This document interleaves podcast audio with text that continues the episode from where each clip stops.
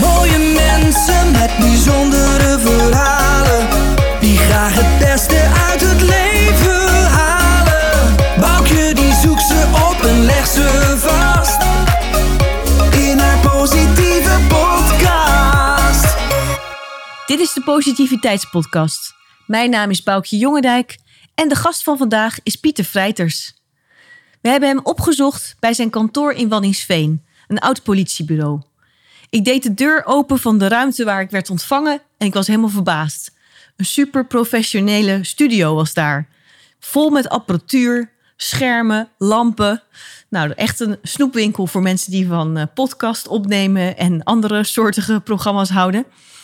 Eh, we hebben een heel mooi gesprek gehad. Ik zal eerst eens even zeggen waar Pieter Vrijters van bekend is.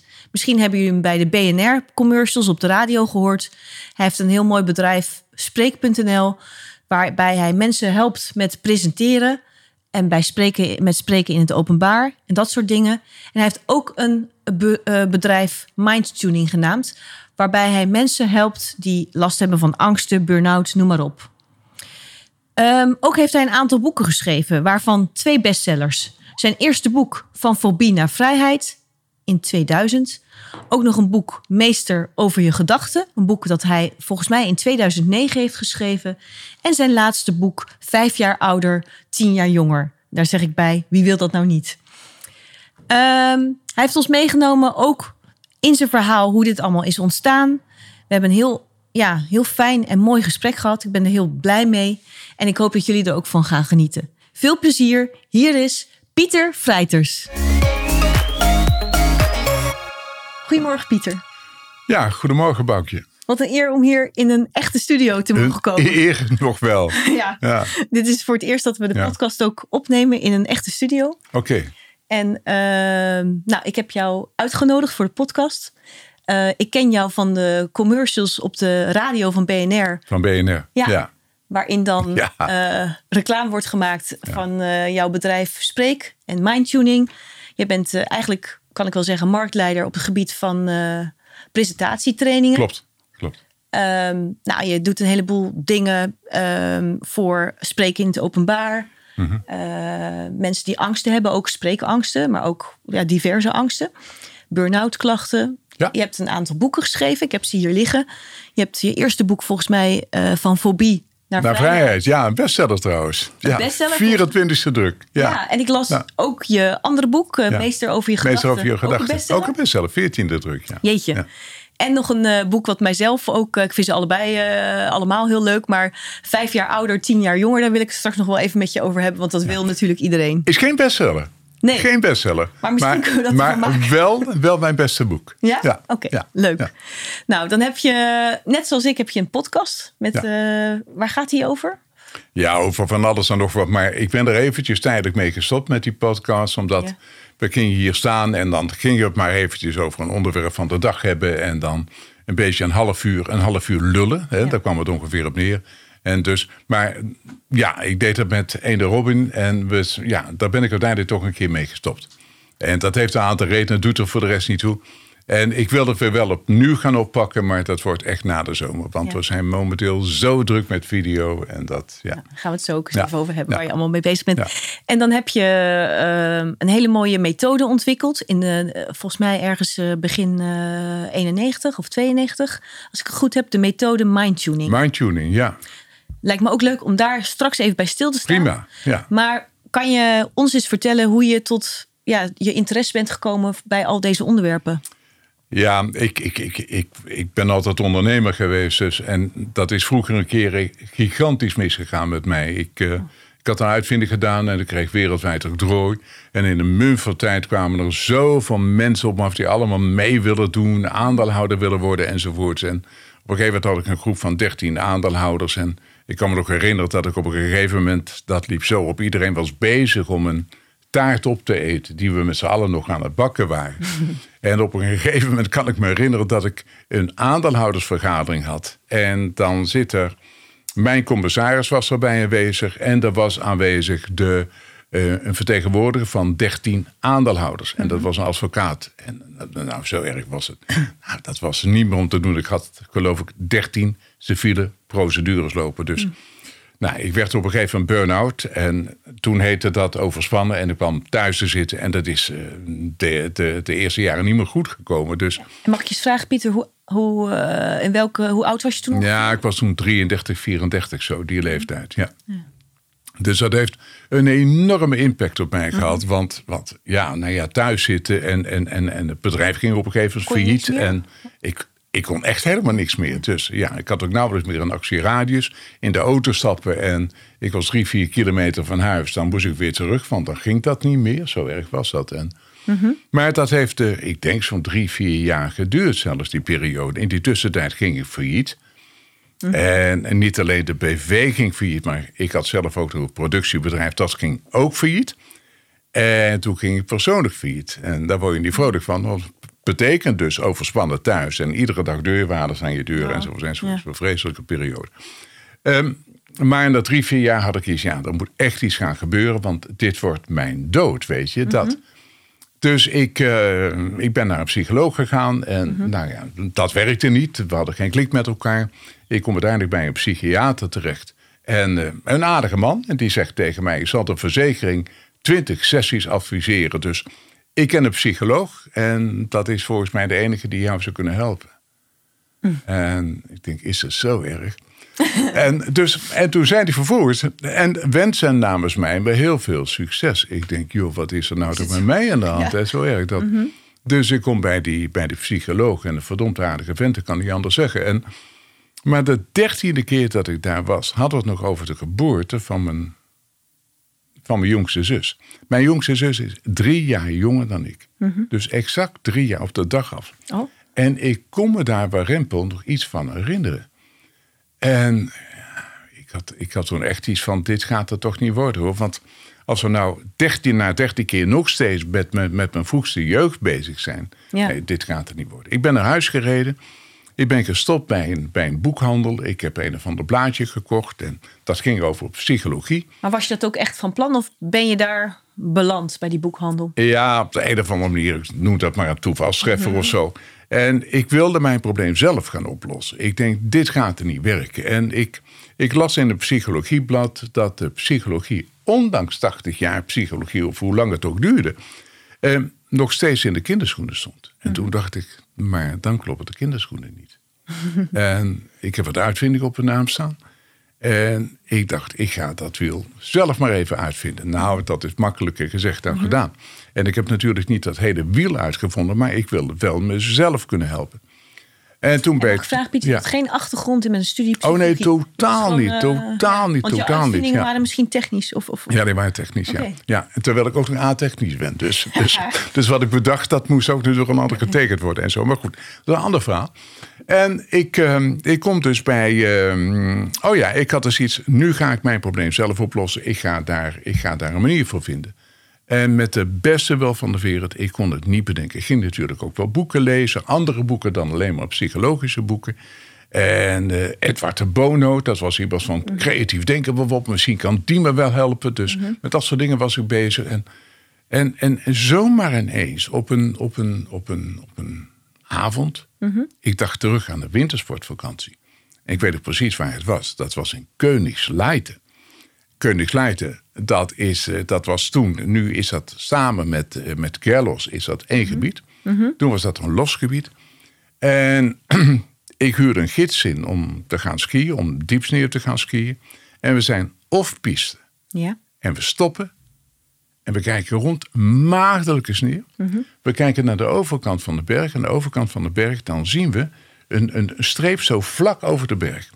Dwars over de berg. En we kijken elkaar aan. Zoiets van, wie doet dat nou? Want dat betekent dus dat je een lawine zou kunnen veroorzaken. En nou ja, ik moest terugdenken aan dat moment. En het moment dat we naar beneden gaan, ik ging skiën, het was daar nog wit. Beneden dus eh, zagen we de boomgrens. Hij vertelde nog van, daar, daar moet je oppassen. Want eh, als je daarnaast valt, nou, dan val je heel diep, weet je zo. En zo gingen we dan naar Gerlos. En dan pakten we later weer een taxi. En dan gingen we terug naar Koningsluiten. En dan deden we dat nog een keer. Nou, ik dacht eraan terug. En mijn hele lijf ging open. Je ontspande. Ja.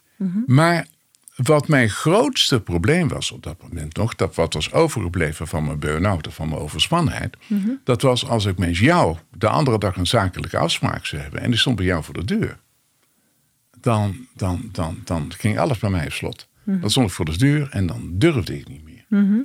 En dan reed ik weg en dan sprak ik mezelf toe. Zoals een eburator van de vroeger deed. Jongetje, weet je zo dat? Ja, ja. En dan stond ik, ja, en even later stond ik weer opnieuw voor de deur. En weer opnieuw durfde ik niet naar binnen. Je ging je weer En dat- elke keer op slot. Ja, en dat was vreselijk. En ja, en zolang ik dat probleem had, kon ik niet verder. En ja, en met de beste wel van de wereld dacht ik weer. Dus ik dacht even terug aan zijn wintersportvakantie. Weer terug aan de afspraak die ik de andere dag had.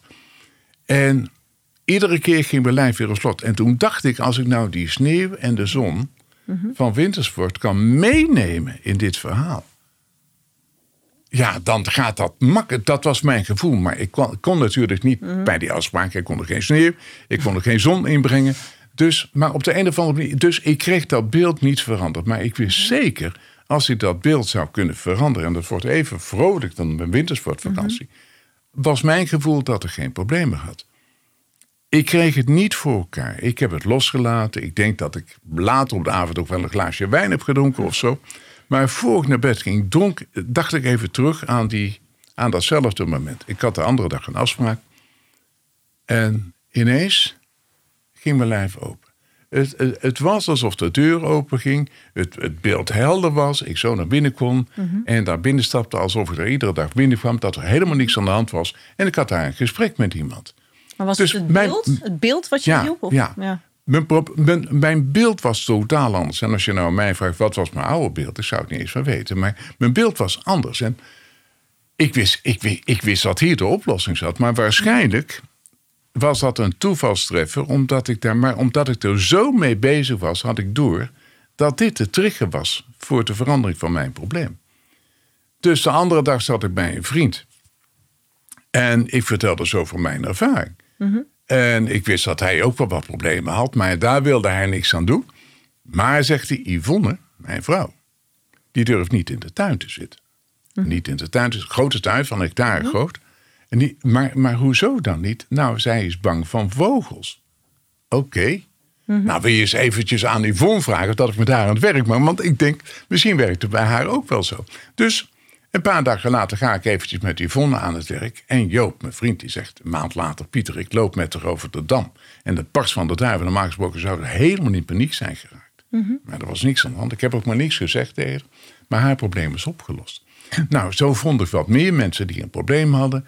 En, Kan je ook kan je aangeven wat dan die oplossing ook voor Yvonne is geweest met de vogels? Nou, precies weten doe ik dat niet meer. Maar zeker, zeker was wel dat haar beeld van die vogel iets totaal anders was dan het beeld wat ik daarvan had. En waarschijnlijk was het zo dat zij, als zij eraan dacht dat er een vogel vlak bij haar kwam zitten, dat ze waarschijnlijk een beeld zag van zichzelf waar het label aan hangt. Ik raak helemaal in paniek of ik opgefroten of Ja. hè, zoiets, wat het ook is. En, en, maar ik kon dat veranderen bij Yvonne. En ik wist dus dat daar ergens een verandering zat. Ik denk, ja, nou geld heb ik niet meer. Ik was failliet. Ik had alleen nog mijn schuld. Ik denk, daar kan nog één schuld bij. En dat is een hele grote advertentie zetten in de krant. Pagina groot. Van heb je een fobie? Want ik had net het woord fobie on- ontdekt. En ik ga je daarvan afhelpen. Doe ik het één keer. En lukt dat niet, krijg je het de tweede keer van mij gratis. Zo ben ik begonnen. Oké. En toen kwamen bij Rempel de eerste mensen bij me. Ik had een klein kamertje ingericht thuis. Ja, Ja. precies. Klein kamertje ingericht. En die eerste tien mensen die hebben kunnen helpen. Ik kon, ik, kon, ik kon meteen weer een nieuw kostuum kopen. Ik kon weer een stropdas kopen. Weer, kon er een beetje leuker uitzien. En ik kon mijn advertentie betalen. En zo is het allemaal begonnen. Mooi. We waren vier maanden verder en toen begreep ik waarom het werkte. En pas toen ik begreep waarom, waarom het werkte, toen kon ik eindeloos blijven doorontwikkelen. En Pieter, had jij Ja. je, jezelf ook in dat allereerste begin ook direct geholpen? Want je hebt natuurlijk Nee. je hebt andere mensen Nee, geholpen. nee, nee, absoluut niet. Nee, want mijn, mijn basisprobleem, dat was opgelost. Dus ik durfde weer ergens naar binnen. Ik durfde weer ergens op bezoek te gaan. Althans, zakelijk op bezoek te gaan. Dus dat was opgelost. Ja. Maar de rest van mijn problematiek, en dat was nogal wat. Ik had, ook, ik had ook steeds een bloosprobleem. Dus dat was er niet helemaal opgelost. Ik had spreekangst. Dat was er niet helemaal opgelost. Zet mij voor een groep en de klapte dicht bijvoorbeeld. Serieus, ja? ja, serieus. Oh. Dus, Maar er kwamen dus steeds meer mensen bij mij. En die hadden dezelfde problematiek als die ik zelf had. En nou, aan inleven ontbreekt het me niet. Dus ik begreep wel wat er, met, wat, er, wat er bij hun speelde. En ik dacht steeds, als ik jou kan helpen, dan help ik ook mezelf. Dus ik heb met zoveel mensen kunnen werken. Ja, precies. Ja. Dus ik heb met zoveel mensen kunnen werken die een probleem hadden. Ik denk, ja, nou ja, nou, nou zit ik er toch voor. Dus ik ga met die mensen aan, aan de slag. Ik, Mhm. ik, ik los het probleem op. En gelijktijdig kon ik mijn eigen probleem oplossen. Mooi. Dus ik leerde in feite mijn probleem op te lossen via mijn, eh, via mijn cliënten. En ik had aardig wat problematiek. Ik dacht, nee, neem dat echt van mij aan. Want het is de eerste jaren, de eerste jaren dat we van mijn werk, dat is continu, continu werk aan mezelf geweest. Continu. En ik vond bij iedere dag een beetje beter mens worden. ja, maar zo je hebt ook heel veel mensen ja. dan meteen geholpen. Dat geeft natuurlijk ook Ja. eh, veel voldoening. Ja, ja. En toen kwam, het- kwam het probleem dat ik de hele wereld over me heen kreeg. Want ehm, ja, ik hoorde iemand zeggen, een psychiater had gezegd tegen iemand van... nou, als die vent echt mensen kan helpen, nou, dan kunnen wij het allemaal beschudden. En dat was het idee best bij heel veel mensen. En je wilt niet weten wat er toen allemaal op afkwam. Ik kreeg, op een gegeven moment krijg ik het ministerie van Volksgezondheid. Die komen bij mij en ze hadden een psychiater samen met een psycholoog. Ze hadden alarmerende berichten gehoord. Want wat ik claimde, dat was nog nergens in de wereld vertoond. Dat was wetenschappelijk was dat onmogelijk wat ik zei. Ja. En eh, ja, nou ja, en, en, en, dus, dus het, het werd mij zo onmogelijk mogelijk gemaakt. En Mhm. dat was voor mij alleen maar een reden om door te gaan en het nog beter te doen. En ja, Ja, maar het gaf die kritiek je ook juist. eh, dus je zegt. dat- die gaf mij eh, vleugels. Ja, maar, maar- maar gaf het je vleugels omdat je dacht er zit echt iets en mensen zien het als concurrentie of, of wat dan ook? Dat was het ook, hè? Ja. Dat was het ook. Want in de ogen van, van veel mensen was het zo. Als ik gelijk heb, kunnen wij wel inpakken. Ja. En dat is natuurlijk niet zo, want, want, want, want, want mensen, mensen die wat veranderen, die echt, iets, die echt iets kunnen op dat gebied, die worden uiteindelijk allemaal weer gevolgd. En wat doet de psychologie dan? Die gaat dan net weer doen alsof ze dat zelf weer allemaal hebben ontdekt enzovoort. Dus ehm daar is niks op tegen. Ik heb, ik heb bijvoorbeeld ooit. eh, eh, ik heb heel veel geschreven over dwangproblematiek. Dus mensen die dwangneurose hebben. Obsessief-compulsieve stoornis bijvoorbeeld. En dan zei ik altijd, dat is een verslaving. En ik behandel dat als een verslaving. Niks meer en niks minder. En dat was, dat was waanzin natuurlijk wat ik vertelde. En uiteindelijk eh, zie ik, zie ik eh, sla ik de krant open en ik zie dat er een psychiater is die promoveert op, op, op, op obsessieve compulsieve stoornis. Want die zegt, het is een verslaving. Hey, Oké. eerder gehoord, ja. Ik denk, waar staat mijn naam? Weet je, Ja. zo ongeveer. Maar, maar, maar, maar zo werkt het nou eenmaal. Dus, eh, ja. Maar we zijn dus, eh, we zijn dus eh, heel wat jaren verder nu. En mijn spreekangst, hè, waar ik ook veel last van had. eh, er kwamen steeds meer mensen bij me met spreekangst. En dat was echt wel een dingetje voor mij. En ik dacht steeds, als jou help, dan Wel heel bijzonder dat je inderdaad mezelf. adviseert Ja. over Ja. iets waar, waar je Ja. zelf onzeker Ja. op dat moment Want ik weet hoe het werkt. Ja. Maar het is met een ander werk is gewoon makkelijker dan met jezelf Ja. werken. Heel vreemd. Ik, heb, eh, ik, heb, eh, ik rookte bijvoorbeeld de eerste jaren rookte ik nog. En ik was echt een, eh, echt een verslaafde roker. Mhm. En, maar er kwamen heel veel mensen bij mij. Voor, voor, om, om, om van het roken af te komen. Ik heb een soort aan een. Mhm. En je een- zelf nog gewoon door. ik heb een soort aan een, aan een varen-uitzending meegewerkt. Ehm ik kom 1, 2, 3 niet meer op daarna. En ehm, wat de, de, de, de beste methode in Nederland was om mensen van het roken af te helpen. En ik krijg vijf verstokte rokers. En er werd vergeleken met hypnose en met, Ja. eh, met acupunctuur. Enfin, al die andere behandelingen die er allemaal waren. Ik denk, ja, ik doe maar mee. Ik rookte zelf als een ketter.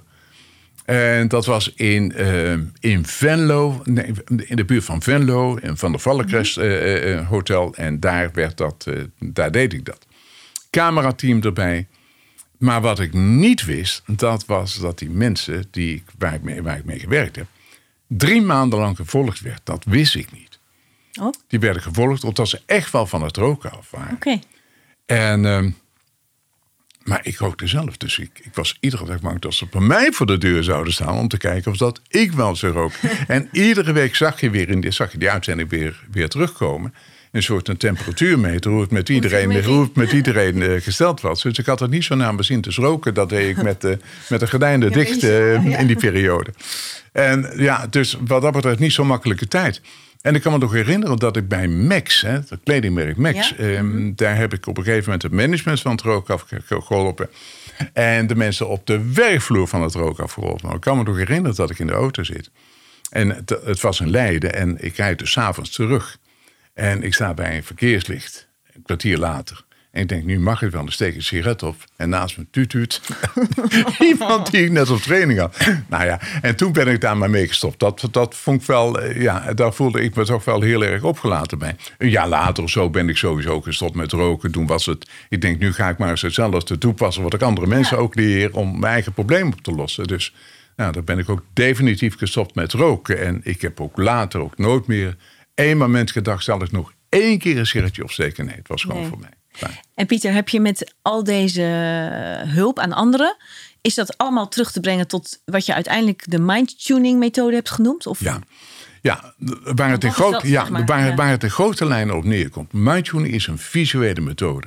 En alles wat ik doe met mensen, Mhm. dus wat ik zeg en wat ik vraag en wat ik vertel en voorbeelden die ik geef, dat is om het, om het visuele systeem van mensen te activeren. Mhm. En ik heb daar ooit, ik had, er, ik had altijd behoefte aan een wetenschappelijke verklaring van datgene wat ik deed, maar die kon ik maar niet vinden. En ik had dan Mhm. wilde je dat, alles eh, willen omdat je meewerken. kritiek kreeg of wilde je dat ook echt persoonlijk? Of, Ja, ik denk beide. Ja. beide. Mhm. en, maar daar had ik best behoefte aan. Want- En ik had werkelijk aan ieder onderzoek mee willen werken om aan te tonen hoe effectief deze methodiek was. En, maar op een gegeven moment komt bij mij een, een, een, een ex-cliënt. En ehm, die, die, is, die, is, die, is, die was intussen neurochirurg.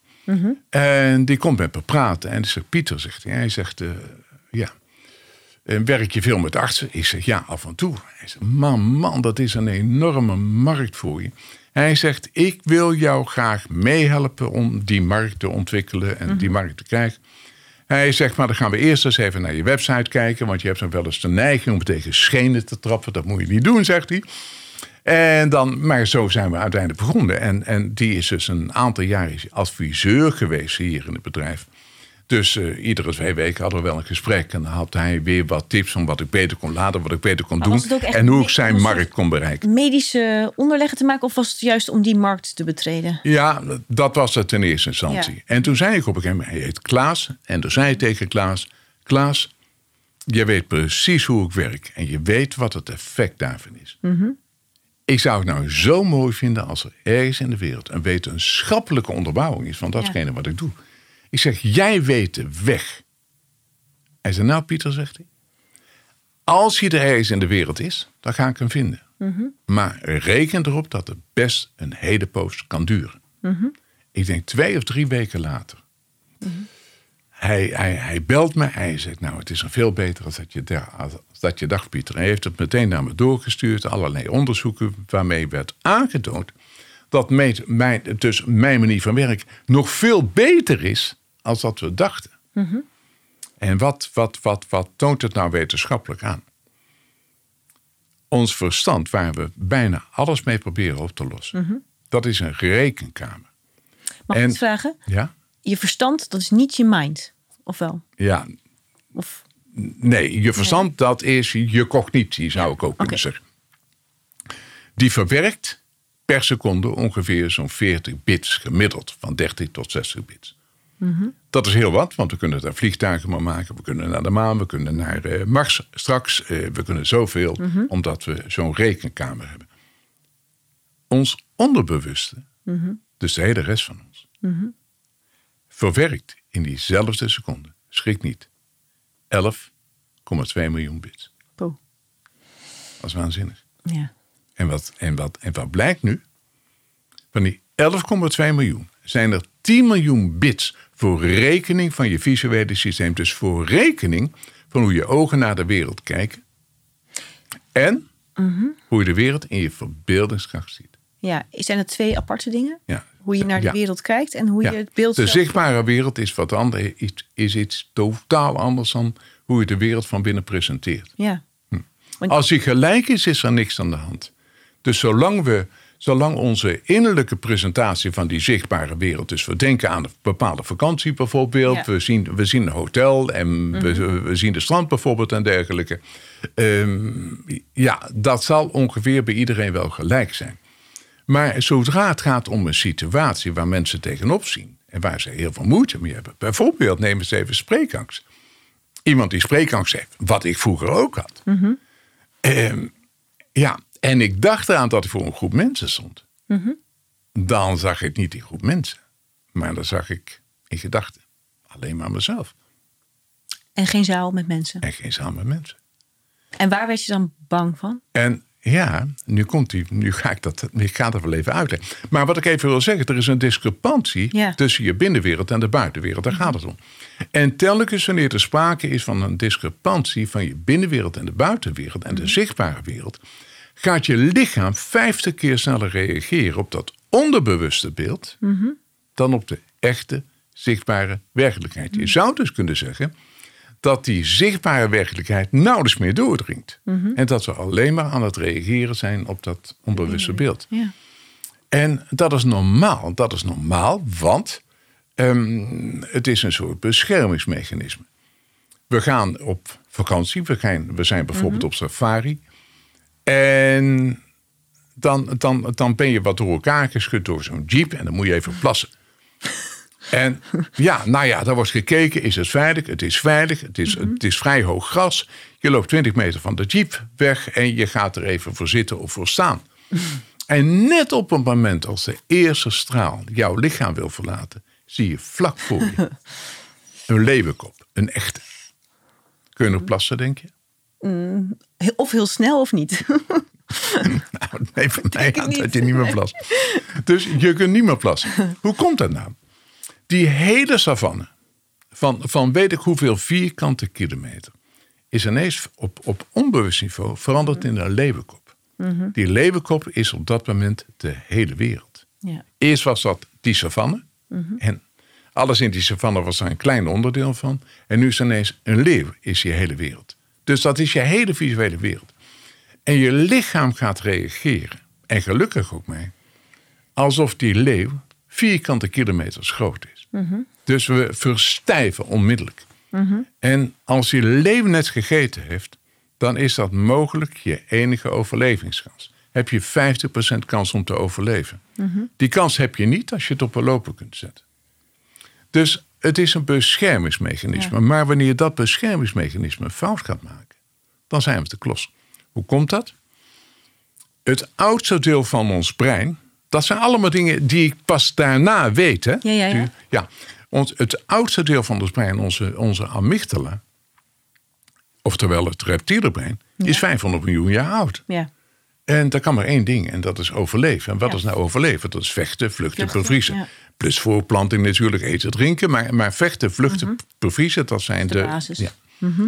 En het kan niet denken. Het staat altijd aan. En het reageert 50 keer sneller op beeld dan, dan je verstand ook maar enigszins zou kunnen reageren. 50 keer sneller. Beschermingsmechanisme, zei ik. Je bent aan het autorijden. Er komt ineens met een rotvaart een auto van rechts. Je draait aan het stuur en je bent op tijd weg. Ja. Achteraf bekeken staat die auto toch op tijd stil. Het beschermingsmechanisme waar je op reageert. Die auto staat op tijd stil, maar je bent al gaan reageren. Iemand, iemand doet alsof hij een steen naar je toe gooit. En je duikt weg. ja. Maar gelukkig ook maar. Terwijl je ogen zien dat die steen in, in, de, in, in, de, in hand. in de hand blijft. Ja, mhm. Dus we, rea- we reageren 50 keer sneller op onbewust beeld dan op die echte werkelijkheid. Nou, Mhm. dat is nou mijn ontdekking. Dat is mijn ding. En, en, en, en dus, dus, alles wat, wat, dus alles wat we hier doen heeft te maken met het activeren van dat systeem. Dat systeem van binnen, want ik wil graag hebben dat er geen enkele discrepantie meer is tussen iemands onbewuste binnenwereld en de zichtbare buitenwereld. En heeft dat dan met kijken en zien te maken? Of, of Het enige waar je dus zelf meteen invloed op hebt, dat is op jouw manier van kijken. Ja, je zegt zelf invloed op hebt. Waar je zelf invloed op hebt, dat is op jouw manier van Ja. kijken. En ga maar eens op mensen letten. Ga maar eens op straat. Ga eens naar mensen kijken. En de meeste mensen lopen op straat en lopen zo op straat. Die zien niks. Hun wereld is zo klein. Al die mensen kun je gerust naar mij toesturen, want dan gaat het niet goed mee. Dan wordt het heel druk, Ja. was het al. ja. Als je, als je bij een Van der Valk restaurant bijvoorbeeld bij de ingang gaat zitten. In het restaurant.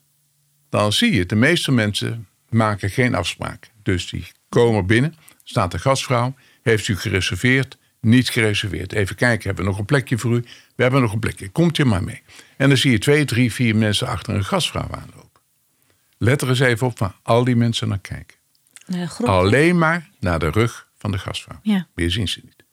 Al die mensen gaat het niet goed. Al die mensen die zitten in een tunnel. Een enkeling die kijkt rond. Want die kijkt rond om te zien dat hij nog een bekende tegenkomt. Dat zijn de mensen die het goed gaat. Dat zijn mensen waarvan ik zeg, die nemen visueel ruimte in. En juist dat visuele ruimte innemen, dat is heel erg belangrijk. En daar heb je dus zelf invloed op. Creëer daarmee voor jezelf een grote ruimte.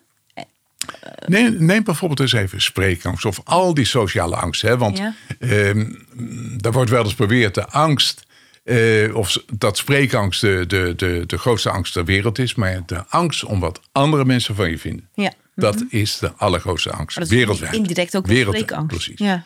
Ja, wereldwijd. Dus bijna iedereen die in een ruimte binnenkomt waar mensen zijn, die kijkt niet. Want die voelt zich bekeken. Ja. Voorbeeld van de Valkrestaurant. Ja. Voelt zich bekeken. Receptie. Je ziet maar zelden iemand op een receptie binnenkomen die gewoon rondkijkt. Misschien zie ik wel een bekende. Het is eh, in een kerk bijvoorbeeld. Dominees, die, die, die, die komen zo binnen. In plaats van ja, in het huis van God. Je ogen, het meest dankbare instrument wat je hebt. Ja, gebruik het dan. Snap je? Maar alleen maar dat. Wij, wij, wij, wij, wij doen heel vreemde dingen met onze ogen. En waar je zelf er invloed op- hebt, is kijken. Ehm, spreekangst. Ik zeg tegen mensen met spreekangst altijd: eerst ruimte, pas dan mensen. Nooit andersom. Zou je eerst mensen zien en met iemand die kijkt op een bepaalde manier naar je, dan kan het zijn dat je, dat Schrikt je, of zo, dat je schrikt. En dat je de ruimte niet meer ziet. En dan is dat een feit. Je, je, je reptiele brein doet er iets heel vreemds mee. Want bij alles wat je ziet en alles wat je denkt, heb je van binnen ook een beeld. En, maar het is onbewust. En op de kwaliteit van het beeld zal dat reptiele brein, dus je amygdala, direct reageren.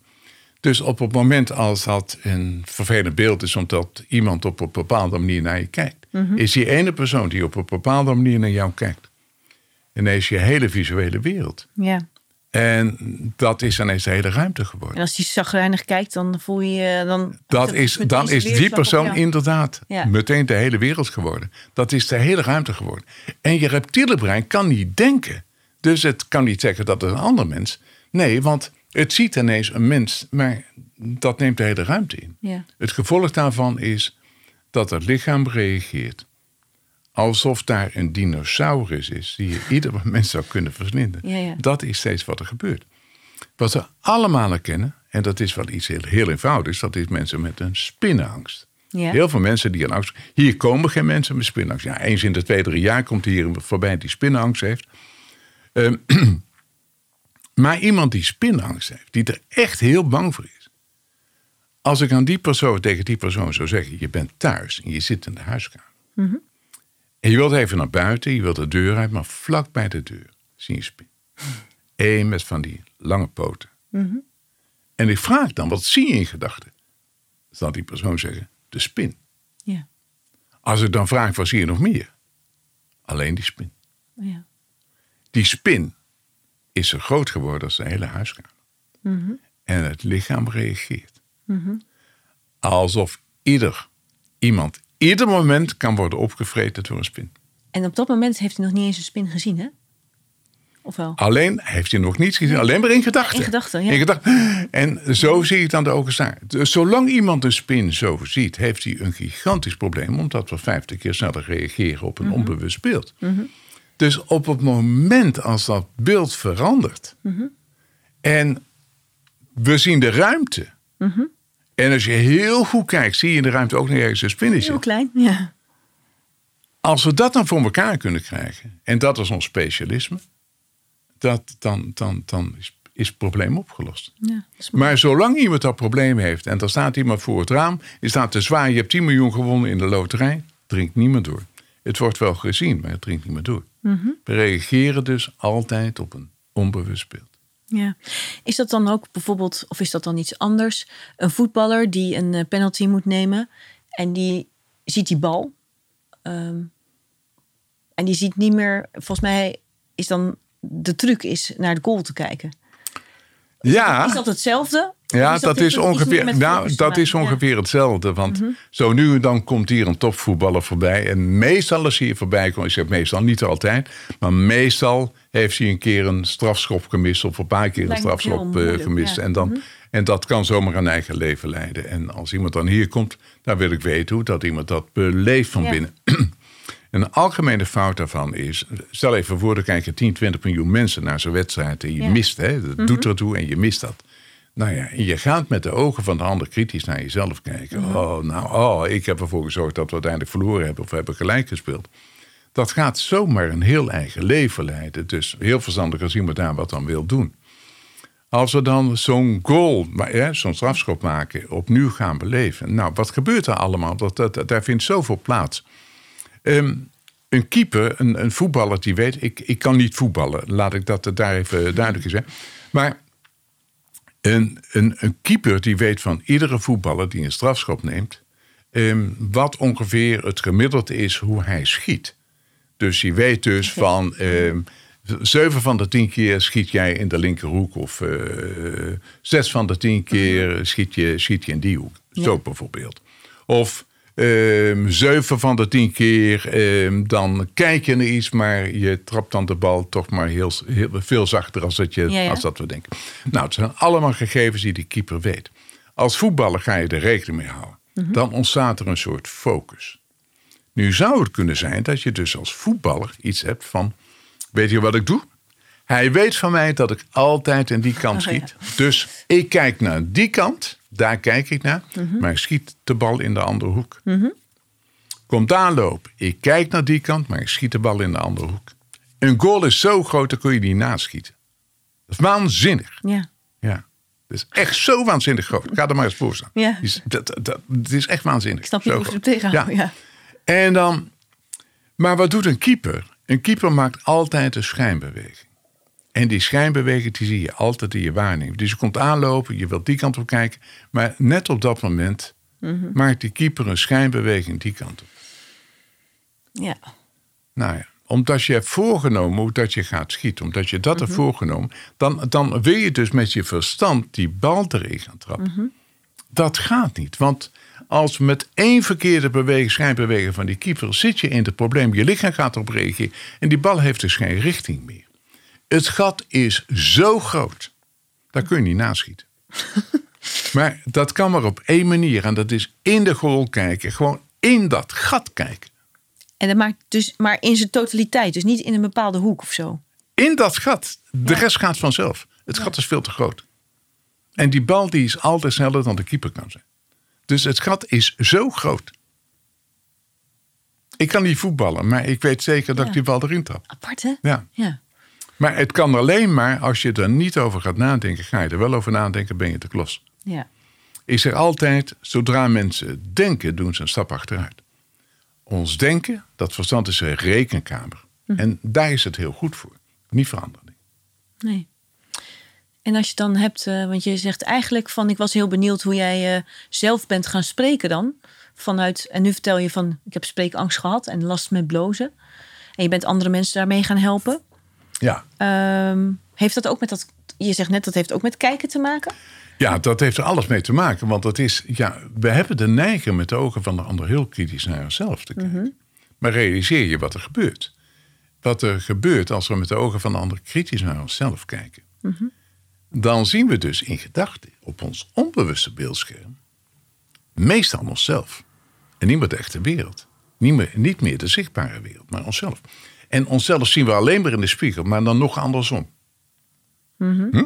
Dus in de spiegel zien we nooit onszelf echt, Nee, maar altijd het spiegelbeeld. ja. Ja.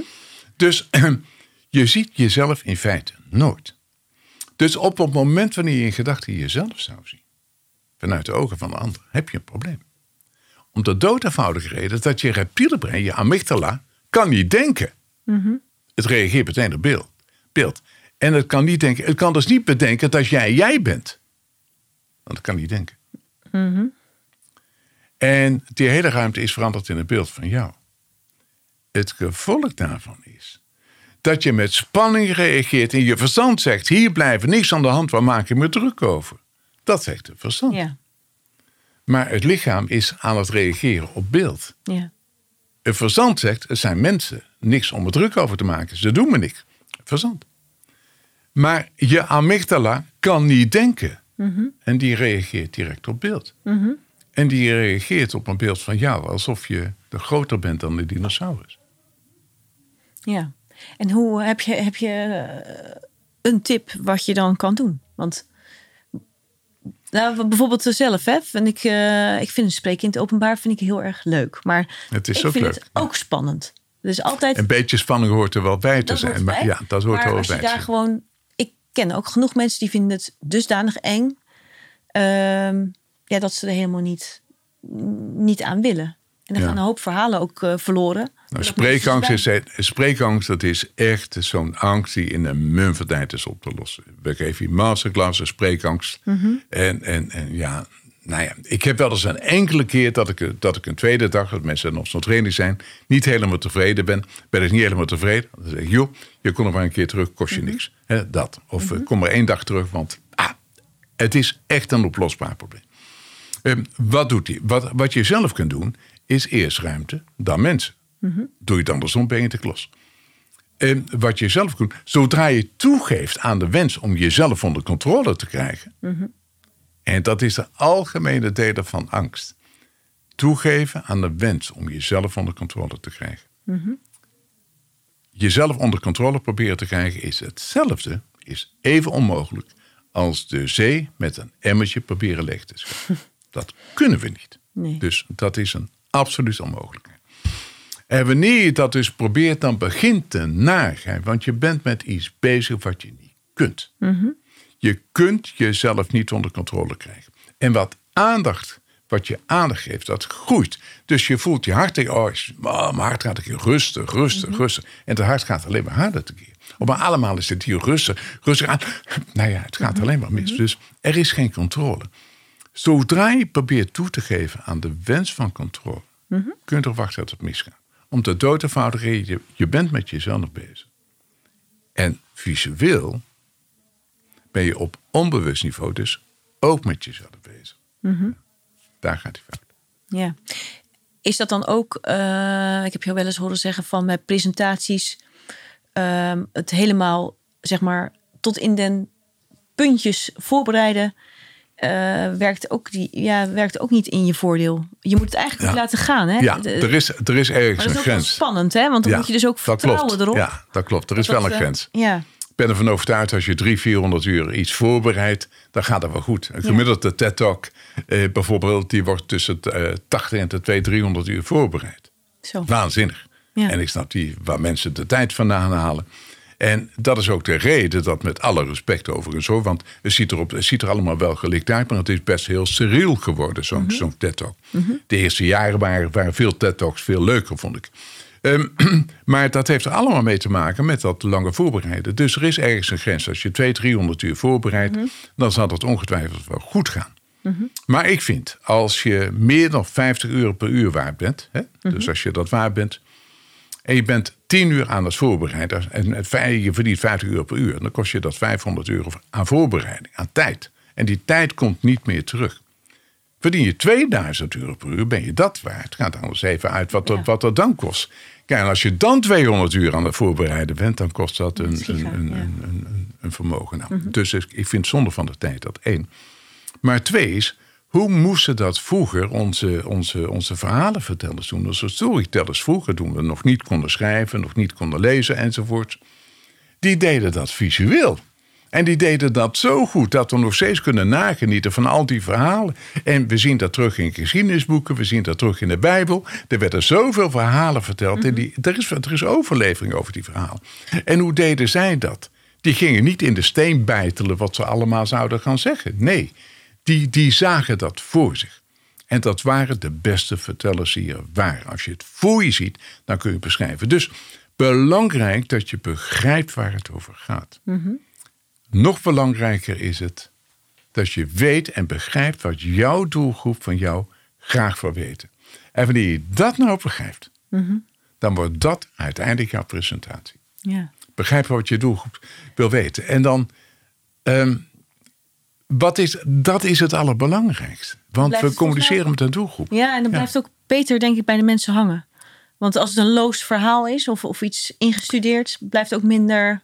Komt ook Is het over. ingestudeerd, dan komt het niet zo authentiek over. En er zijn wel mensen die het kunnen spelen alsof het authentiek is. Mhm. Maar ja, op de een of andere manier gevoelsmatig is het minder. Mhm. Voel- Gevoelsmatig, de beste presentaties zijn de presentaties die spontaan gaan. Ik merk dat hier ook als we een Mhm. training geven. En soms dan krijg ik, krijgen mensen van mij ineens een opdracht.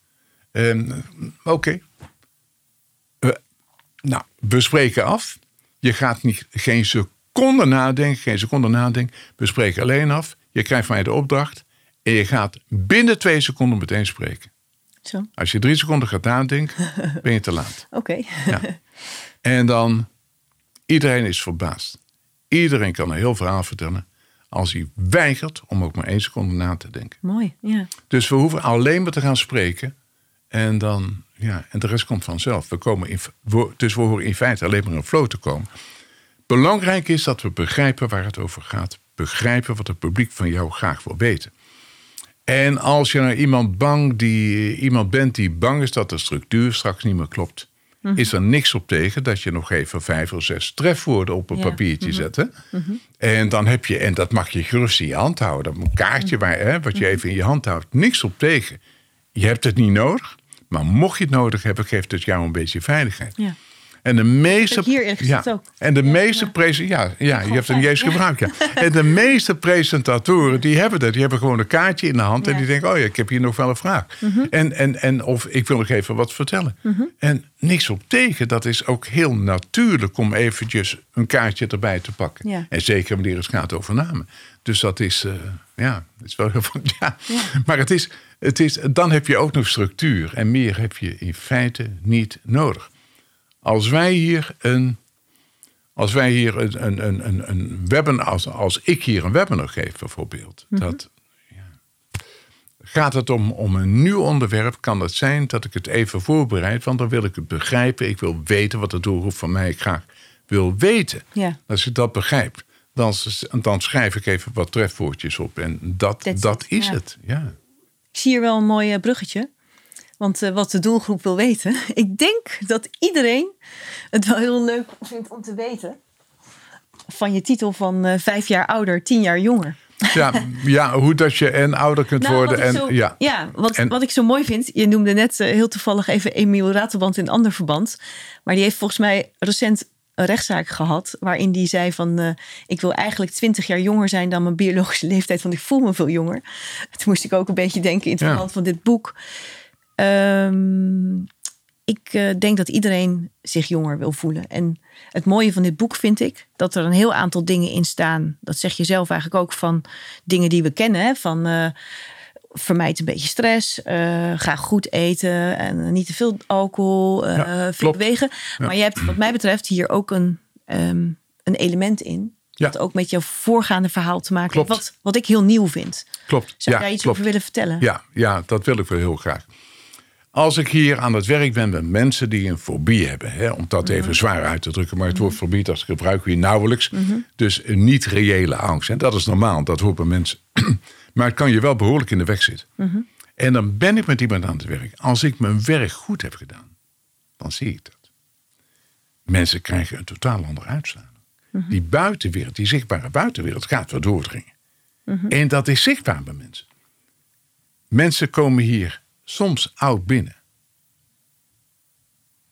en gaan als een jongen god de deur uit. ja, dat, en dat zie je. Dus zodra het hier helder wordt in dat, dus zodra onze visie, onze, onze visie op de toekomst, ons, ons beeld van de toekomst, en, eh, eh, eh, alles wat er, zodra dat helder wordt, dan, dan, dan, dan gebeurt er iets in jou. Je krijgt een totaal andere uitstraling. Um, er zijn zoveel, hele, zoveel kleine dingen. Um, ik zal even een paar voorbeelden beelden geven. Mhm. Er komt hier een man en die, um, die vertelt dat hij 15 of 20 jaar eerder een keer, ook een keer bij mij was geweest. hij zegt: Je hebt het toen uitstekend geholpen. Ik heb een heel visueel geheugen. Um, maar hij was in de groep geweest, vertelde hij, en kon er niet meer meteen terughalen. Maar toen dacht ik ineens dat hij vrij lang was. Toen wist ik ineens wat zijn, wat zijn, wat zijn. En hij had een medisch beroep van huis. En denk, Hij zegt, klopt, zegt hij. Hij zegt dat, dat, zo ben ik opgeleid. Dat doe ik niet, maar zo ben ik wel opgeleid. Dus ik had beeld. Deze man die vertelt me dat hij. Oh nee, ik weet niet meer wat het probleem is, maar ik liet die man een stukje lopen. Boven hier, hier we een enorme ruimte, een enorme trainingsruimte. Heb ik ook nodig, want ik wil ruimte hebben als ik met mensen werk. En ik laat hem een stukje lopen. Ik zeg, ik wil even zien dat als je loopt. En die man, hij was vrij lang en die maakt van die hele grote stappen en die kijkt vlak voor zich uit. Ik schat dat hij achter in de 40 was, 6, 47. Ik zeg tegen hem, man, je lijkt potverdikke wel 75. Ik zeg, kom op, ga dat hoofd draaien. Ik wil hebben dat je gaat kijken. En deze man die gaat kijken. Drie, vier stappen verder. Hij zei, Pieter, dat voelt, dat, dat voelt gewoon heel anders. Dat voelt heel anders. En, en die gaat zitten en die vertelt mij dat hij, eh, dat hij, dat praat, denk ik over vijf, zes jaar geleden. En die vertelt mij dat hij, in, uh, dat hij voor een deel in Venezuela woont. Hij zegt, en ik woon daar, ik heb daar een prachtig huis. Hij zegt, ik woon op een van de mooiste plekken van de hele wereld, want ik heb een uitzicht. Ik kijk over Caracas heen. En dat is een miljoenenstad. En dus ik woon op een berg. En dan zie ik ook nog de zee op de achtergrond. Ah, geweldig. Maar als ik in de stad zaken wil gaan doen, dan, dan ga ik met een geblindeerde auto daarheen. Met een chauffeur plus een lijfwacht. Dat moet wel, want er zijn plekken, en daar wil ik niet meer pech komen staan, want dan Nee. ben ik mijn leven niet meer zeker. Ehm, hij zegt, maar als ik dan in dat centrum ben, dat is voor mijn Nederlandse begrippen is dat onveilig. Voor Venezolaanse begrippen is dat veilig. Maar dan loopt er iemand naast me die mijn tas vasthoudt. Maar toch ben ik heel alert, want you never know. Maar ik voel me daar zo, zegt hij. Ja. Hij zegt, wij hebben familie en die familie heeft een, een range. Een, een range van, van, van pak een beetje 7000 hectare of 70.000 hectare. Dat mag ik kwijt zijn, maar in ieder geval heel veel. Groot, ja. En eh, zo groot als een, eh, groter als een provincie hier in Nederland. En hij zegt, dan gaan we daar paard rijden. En legt nog eventjes uit, die paarden, die hebben dus andere, andere teugels, eh, meer een touw met knopen, andere zadels. En paarden zijn wat korter. En hij gaat vervolgens vertellen dat ze dan een weekje, een weekje, een weekje echt weggaan. En een weekje de prairie ingaan, om, daar, om dat zo maar even uit te drukken. Hij zegt maar, als ik daar met mijn hoge laarzen rondloop. Hij zegt, ik kijk goed rond, zegt hij. Want er zijn slangen. En slangen zijn giftig. Als wij een weekje gaan trekken met paard, dan moeten we riviertjes oversteken. Maar in die rivieren zijn krokodillen. Dus dan kijken we heel goed rond. Maar ik voel me daar zo. En als we dan echt zo aan het reizen, echt buiten zijn. Hij zegt, ja, je kijkt natuurlijk altijd totdat het paard niet ergens van schrikt. En er zijn puma's. En ik wil die puma eerder zien dan de paard het ziet. Want het paard gaat er van schrikken, gaat zeigeren. En dan val je van het paard af en dan ben je niet blij. Dus, maar man, ik voel me daar zo. Dan zijn we weer terug in Amsterdam, zegt hij. En mijn partner, die zegt altijd, want die komt uit Venezuela, die zegt: Jullie Nederlanders, jullie kijken niet. Jullie Nederlanders, jullie moeders staan met twee kleine kinderen voor een zebrapad. En die zeggen: Ik heb voorrang. En zonder naar links of naar rechts te kijken, steken ze over. Dat is wat we hier doen. Wij waren ons zo veilig dat we niet meer hoeven te kijken. En dan zien we ook fietsers. Hè? Ze weten maar ze voorrang, ze kijken niet. Ik heb toch voorrang tussen, ze- tussen rijden door. Zodra je omgeving veilig is, dan komt het gevaar van binnen. Want als je niet meer naar die omgeving kijkt, dan ga je staren. En dan begint het. Dan moet ik die nog even bellen. Waarom heb ik het nou? Ik snap het allemaal niet. Dan, ja. ja, precies. En Dan komt het gevaar van binnen. Totdat we met vakantie gaan. We gaan met vakantie. En wat, wat, wat, wat, wat doen mensen? Ze zijn op vakantie en ze zeggen even: "Het is mooi, eens kijken hoe mooi. Oh, geweldig. Dat zegt iedereen. Ja. Tijdens vakantie gaan we ineens kijken. En dan gaan we elkaar vertellen hoe ontzettend mooi het is. ja. Grappig, hè? We komen van vakantie terug. We voelen ons twee weken goed. Ja. We komen van vakantie terug. En diezelfde mensen zie je van zo op straat lopen. Ja. Tot een volgende vakantie gaan ze weer kijken. Iedere jager is tijdens het jagen gelukkig. Waarom? Als hij jaagt, kijkt hij. Ja. Iedereen die kijkt is gelukkiger dan mensen die niet kijken. Maar het zou jammer zijn dat we alleen maar kijken tijdens vakantie. Ja. Het zou goed zijn dat we altijd kijken. Denk je nou echt dat op safari gaan zo leuk is?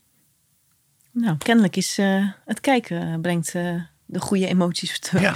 Het lijkt mij verschrikkelijk op safari. Het is droog. Je zit in de jeep, je wordt door elkaar geschud. Bij- Ja, bij wijze. Nee, ik noem er even iets. Maar iedereen die met safari is geweest, die zegt: zo'n vakantie. En waarom nou? Mensen kijken. Ja, Mensen kijken. En wanneer mensen kijken, hebben ze altijd de beste vakanties. mooi. Mooie methode, prachtig. En eigenlijk ook voor iedereen eh, te doen, hè? En vroeger, twee eeuwen terug nog, als eh, we keken altijd naar buiten wat het weer was. En dat wisten we net zo goed als onze weermannen als ons, en onze weervrouw. En dan wilden we van het ene dorp naar het andere dorp. En dan keken we rond. Want we wilden onderweg nog even wat bessen plukken of wat het ook was.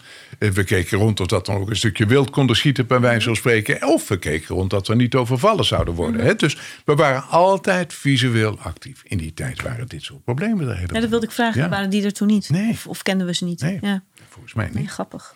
Dus, dus in al die situaties waarin mensen kijken, zijn mensen breder gelukkig. Ja. Als we niet meer kijken, zijn we ongelukkig. Dus dan kom ik weer terug. Hoe, hoe, ja, op het moment dus wanneer je kijkt, wanneer je de buitenwereld naar binnen komt, dan is het iedere dag een beetje vakantie voor je. Ja. En dat zie je. Je ziet zodra het brein weer helder is en je gaat mensen zien kijken, dan, dan de houding verandert. De energie verandert van mensen. Energie kan veel beter doorstromen. We krijgen een. Ja, mensen gaan er gewoon totaal anders uitzien. ja, prachtig. Ja. Dat is echt heel mooi. Dat vind ik echt heel leuk. Verder is het boek enorm, eh, zitten er heel veel andere handvatten ook in. Ja, zeker. Ik ben heel erg benieuwd. ehm, wat zijn naast het goed kijken jouw tools om eh, je jong, fit en eh, gezond te voelen? Nou, voor mij is wel is iedere dag. veel, ja, voor mij, is, voor mij is iedere dag. Iedere dag sta ik op en begin ik met sporten. Lekker, ja. Iedere dag. Goed, ja. En mediteren. Iedere dag. Dus als ik, eh, als ik heel vroeg opsta, dus als ik ochtends om vijf uur opsta, dan begin ik met mediteren. En daarna sporten. Ja. En, want ik wil mijn vrouw niet wakker maken, want dan zet ik de muziek keihard. En dan wordt het deep house. En dan ga ik. Het eh, sporten neem ik aan. Tegen sporten. tegen sporten. Dus dan ga ik eerst maar mediteren tot zij wakker is. En, dan, en dan ga ik daarna sporten. En, eh, maar als zij wakker is, dan begin ik meestal met sporten. En daarna mediteren. En dat hoeft, als ik weinig tijd heb, 20 minuten, maar het liefst een half uur. Iedere dag. Half uur sporten, half uur mediteren. Dus ik heb altijd een uur achter de rug voordat ik hier Ja, heerlijk. Ja. Echt, En dat vind ik heel ochtend, fijn. eh, ochtendritueel. En dan, en dan, en dan ehm, s ochtends dan eet ik meestal niet. Soms, soms neem ik een beetje groentesap. Maar meestal eet ik 's ochtends niet. Dus. En dat heeft weer het voordeel, intermittent fasting. Ja, hè, maar ja. ik heb een hekel aan, de- aan het woord vasten. Maar ik ben die ochtend scherper als ik niet gegeten heb... dan wanneer ik wel gegeten heb. En, en, en, en gelijktijdig ehm, verbrand je in die tussentijd weer wat meer vet. Want heb je 12 uur of langer niet gegeten... dan begint na 12 uur je vetverbranding. Dus Mhm. s'avonds om 8 uur voor het laatst gegeten... S ochtends om 8 uur begint je vetverbranding. Het zou zonde zijn als ze dan meteen nog gaan eten. Ja. En bovendien, ik werk hier met mensen. En van mij wordt verwacht dat ik scherp ben zodra ik aan het werk ben. En dat kan alleen maar wanneer ik eh, overdag althans heel weinig eet. En s ochtends liever niet eet. Ja. Mooi. Ja. Ja. Goeie Dus dat zijn, eh, dus dat zijn eh, voor mij de, de, de belangrijkste dingen. En dan voor de rest drie sterren eten. En daarmee bedoel ik heel gezond eten. Dus Mhm. eh, veel groenten, sowieso belangrijk. Ehm, voor zover ehm, ja, weinig vlees of vis. Maar ik eet het wel, maar Mhm. Ja. Mhm. weinig. En, eh, ja, en voor de rest fruit en noten. Maar, maar heel gezond. En weinig drinken. Eh, alcohol bedoel je? Ja, ja, ja. En dat is ook nog zo'n dingetje. Ik, ehm, ik ben een, verslaafde ex-roker, zo zou je het kunnen zeggen. En ik vind een glaasje wijn toch ook wel heel erg lekker. En, en, en als, ik, als ik nou heel eerlijk ben, dan denk ik dat ik best een beetje verslaafd ben aan alcohol. Maar ik drink het dus niet. Ah, nou, niet. Eens, eens in de zoveel tijd, bij echt een bijzondere gelegenheid, wil ik wel eens een glaasje wijn drinken. Misschien wel twee, maar dan houdt het op. En dan, maar voor de rest, eh, nee. Nou, knap, mooi. Ja. Ja. Ja. Dus, eh, dus, eh, dus dat is wat wij hier doen. Ja, En ja, en, en, en, en, en voor de rest, voor de rest ja. Ik heb wel een hele fijne relatie, dus wij hebben, wij hebben, wij hebben nooit woorden of zo. Dat, dat, dat scheelt wel, we kunnen het heel goed met elkaar vinden. En we doen heel veel dingen samen, dus dat is ook wel wat waard. hè. ja mooi Ja, hoor. Pieter, ik heb eigenlijk nog ehm, een laatste vraag. Want ik had jou van tevoren gevraagd van... heb je nog een spreuk die je... Ja. zou ik, je had een hele mooie spreuk aan mij toegestuurd. En ik zou het wel mooi vinden als je die nog eh, Ja. hier eh, wil eh, Ja. presenteren. Ja. Leven is pas echt leven. Vanwege de prettige zekerheid dat alles in dit leven absoluut onzeker is. Ja. Daar ben ik even stil van. Want, We zijn op zoek naar zekerheid. ja. Er is geen zekerheid. En dat maakt het leven ook zo leuk. Mhm. En zodra we tijdens het leven zekerheid hebben, zouden we echt zekerheid hebben, houdt het leven op. Ja. Dan is er geen zak meer aan. Ja. Nee, en kan je dus ook angsten gaan eh, Er ontwikkelen. is geen zekerheid. Mhm. Is- Die is er niet. Nee. twee zekerheden. En dat is dat, we, dat, we, ja, dat alles onzeker is. En de tweede zekerheid is dat we een keer doodgaan. Ja. En dat zijn de twee zekerheden. En zijn we op zoek naar zekerheid, die is er niet. Die is er dood eenvoudig. Er is niks zeker. Nee. Maar het is eigenlijk ook weer als zo'n eh, zo'n beeld wat je dan ziet. Je moet het eigenlijk maar nemen dat het er gewoon... Het is wel heel fijn. is. Het is wel heel fijn om voor dingen te gaan.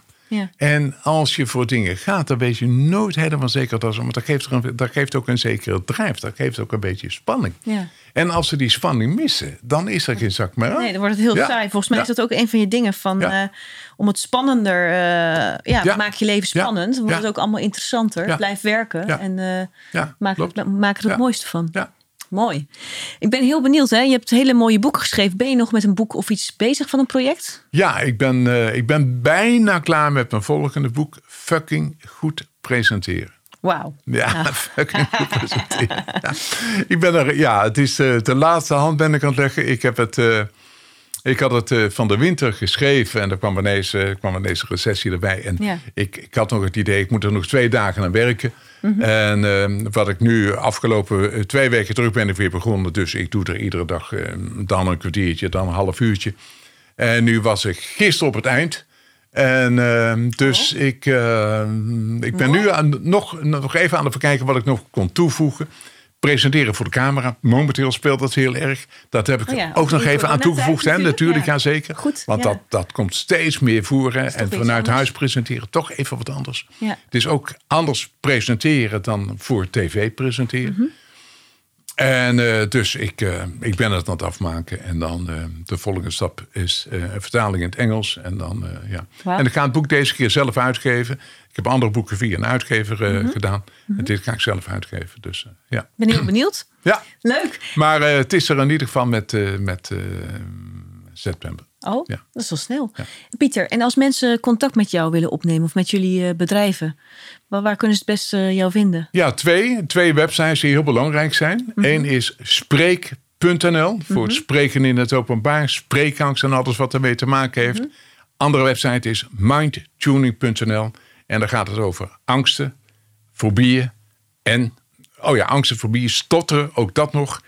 En ehm burn-out. Oké. En als mensen eh, presentatiecursussen willen volgen, moeten ze dan bij de. Ja, Spreek.nl. Ja. Mooi. Ik dank je hartelijk. Ik vond het super om in deze mooie ruimte te zitten. Het geeft mij weer een droom die ik misschien ook nog wel eens hè? verwezenlijken. Ja. Ja, dat ga je, dat ga je, ga je ook wel doen. Dan Ja. zal ik je zo blij kijken Ja, hier. ik vind het heel mooi. Ja. Hartelijk bedankt voor je tijd. Graag gedaan. En ja. ik heb het heel erg gewaardeerd. Ja. Dankjewel. Dit was Positiviteitspodcast nummer 14. Ik hoop dat jullie ervan hebben genoten. Ik in ieder geval heel erg. Bedankt voor het luisteren. Maar vooral Pieter, heel erg bedankt voor jouw tijd. En mooie verhalen die je hebt eh, gegeven aan ons. Heel veel inspiratie voor andere mensen hebt gebracht. En ook de rondleiding door je kantoor hebben we heel erg gewaardeerd. En je hebt me aan het dromen gebracht van zo'n studio. Zou ik ook wel willen. Ehm, beste mensen, alle goeds. Ehm, like de podcast als je hem eh, hebt gewaardeerd. Eh, misschien zijn er ook nog wel mensen die er in je omgeving iets aan kunnen hebben. Deel het gerust. En eh, heel graag tot de volgende keer. Tot ziens.